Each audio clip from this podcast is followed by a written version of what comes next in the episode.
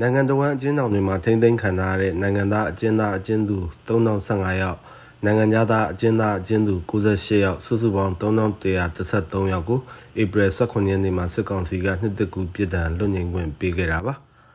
နိုင်ငံသားအကျဉ်းသားတွေအနေနဲ့နောက်ထပ်ပြစ်မှုကျူးလွန်ခဲ့ရင်ပြည်ဒဏ်2ရက်ကိုပြန်ပေါင်းကြားခံစီမှာဖြစ်ပြီးနိုင်ငံသားအကျဉ်းသားတွေကိုတော့ပြည်နှင်ဒဏ်ပေးကြောင်းစစ်ကောင်စီကသူတို့ပိုင်မီဒီယာတွေကနေသတင်းထုတ်ပြန်ခဲ့ပါတယ် မန္တလေးဥပိုလ်ထောင်ကနေအကျဉ်းသား68ယောက်ပြန်လွတ်လာပြီးအဲ့ဒီအထက်ကအများစုဟာစစ်ပြေးရဲပြေးပုံမှ16ကားငယ်နဲ့ထောင်ဒဏ်ကြခံနေရသူတွေဖြစ်ပါတယ်။ လွှတ်ပေးလိုက်တာကပုဒ်မ၁၆ဝင်စကွင်းဂငယ်ဗျာ။အဲဒီဟာကဘာလဲဆိုတော့ရဲပြေးစစ်ပြေးပုဒ်မ။အဲဒီဟာနဲ့၆၈ယောက်လွှတ်ပေးလိုက်ပြီးတော့နောက်ထပ်လွှတ်ပေးဖို့မရှိဘူးဆိုပြီးတော့အသံချဲ့စက်နဲ့ကြေညာတယ်လို့ပြောတယ်။အရင်အခေါက်တွေတုန်းကလွတ်ငြိမ်းတယ်ဆိုပြီးတော့လွတ်လာတဲ့သူတွေရှိတယ်။တချို့တွေ့တယ်။တချို့လွတ်လာတယ်။အပြင်ရောက်တာနဲ့သူတို့ဘုန်းကြီးဝတ်ကြတယ်။ဘယ်တွေကခြေတဲ့သဘောပေါ့ဗျာဒီရိုးရာဓလေ့ထုံးစံအရ။တချို့သင်္ကန်းစီးရက်နဲ့ကျောင်းမှာလာပြန်ဖမ်းလို့ဆိုပြီးတော့သင်္ကန်းစီးပွဲနဲ့ထွက်ပြေးရတဲ့လူတွေရှိတယ်ဗျာ။တချို့ကျတော့လည်းသင်္ကန်းစီးပြီးတော့မှကိုယ့်အိမ်ကိုယ်ပြန်နေတယ်။ပြန်နေရာကနေပြီးတော့မှပြန်လာပြီးတော့ဖမ်းလို့မို့လို့ ပြန်ပြီးထွက်ပြေးရတဲ့လူတွေရှိတယ်ဗျာ။အဲဒီတော့လွှတ်ပေးလိုက်ပြီဆိုတော့လည်းအပြင်ရောက်တာနဲ့မိမိအိမ်မိမိရပ်ကွက်မိမိဒေသနေလို့မှမရပဲ။အမြဲတမ်းသူတို့လာပြီးတော့အနှောင့်အယှက်ပေးနေတာပဲလေ။အခုအခေါက်မှာတော့နိုင်ကျဉ်းတယောက်မှမပါဘူး။ကျနော်လည်းကျနော်တို့အဖွဲ့ထဲကလူတွေနဲ့ပါဦးမလားဆိုပြီးတော့မျှော်လင့်နေတာမပါဘူး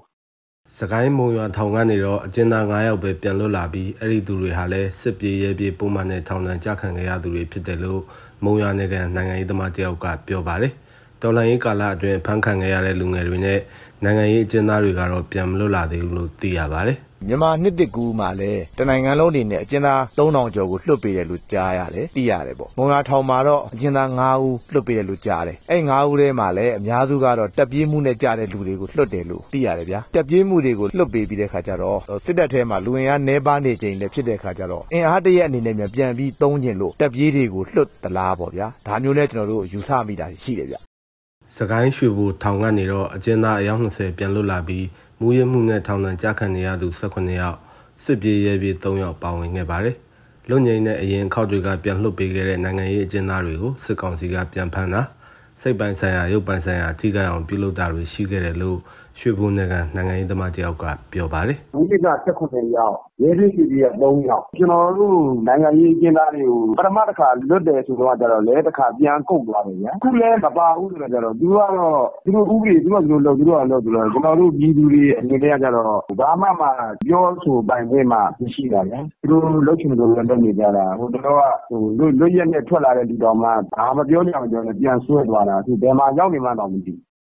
နိုင်ငံရေးကျင်းသားများကူညီစောင့်ရှောက်ရေးအသင်း APP ရဲ့ April 12ရက်နေ့အထိမှတ်တမ်းတွေအရတော်လှန်ရေးကာလအတွင်းဖမ်းခံခဲ့ရသူ2000ကျော်အထိရှိခဲ့ပြီးအဲ့ဒီအထက်က18000ကျော်ဟာအကျဉ်းထောင်တွေထဲမှာအမှုရင်ဆိုင်နေကြရပါတယ်။ပြန်လွတ်မြောက်ခဲ့သူ3800ကျော်ရှိခဲ့ပြီးကြာဆုံးပြည်သူ3240အထိရှိခဲ့တယ်လို့ APP ရဲ့မှတ်တမ်းတွေကဖော်ပြပါတယ်။ နှစ်ဆန်တရနေ့အခုတစ်ကြိမ်လွတ်ငြိမ်ချမ်းသာခွင့်နဲ့ပြန်လွတ်လာသူတွေထဲမှာ NLD အစိုးရလက်ထက်စီမံဘဏ္ဍာဝန်ကြီးဟောင်းဦးကျော်ဝင်းတယောက်ပဲနိုင်ငံရေးအကျဉ်းသားအနေနဲ့ရမဲသိန်းထောင်ကနေပြန်လွတ်မြောက်လာတာတွေ့ရပါတယ်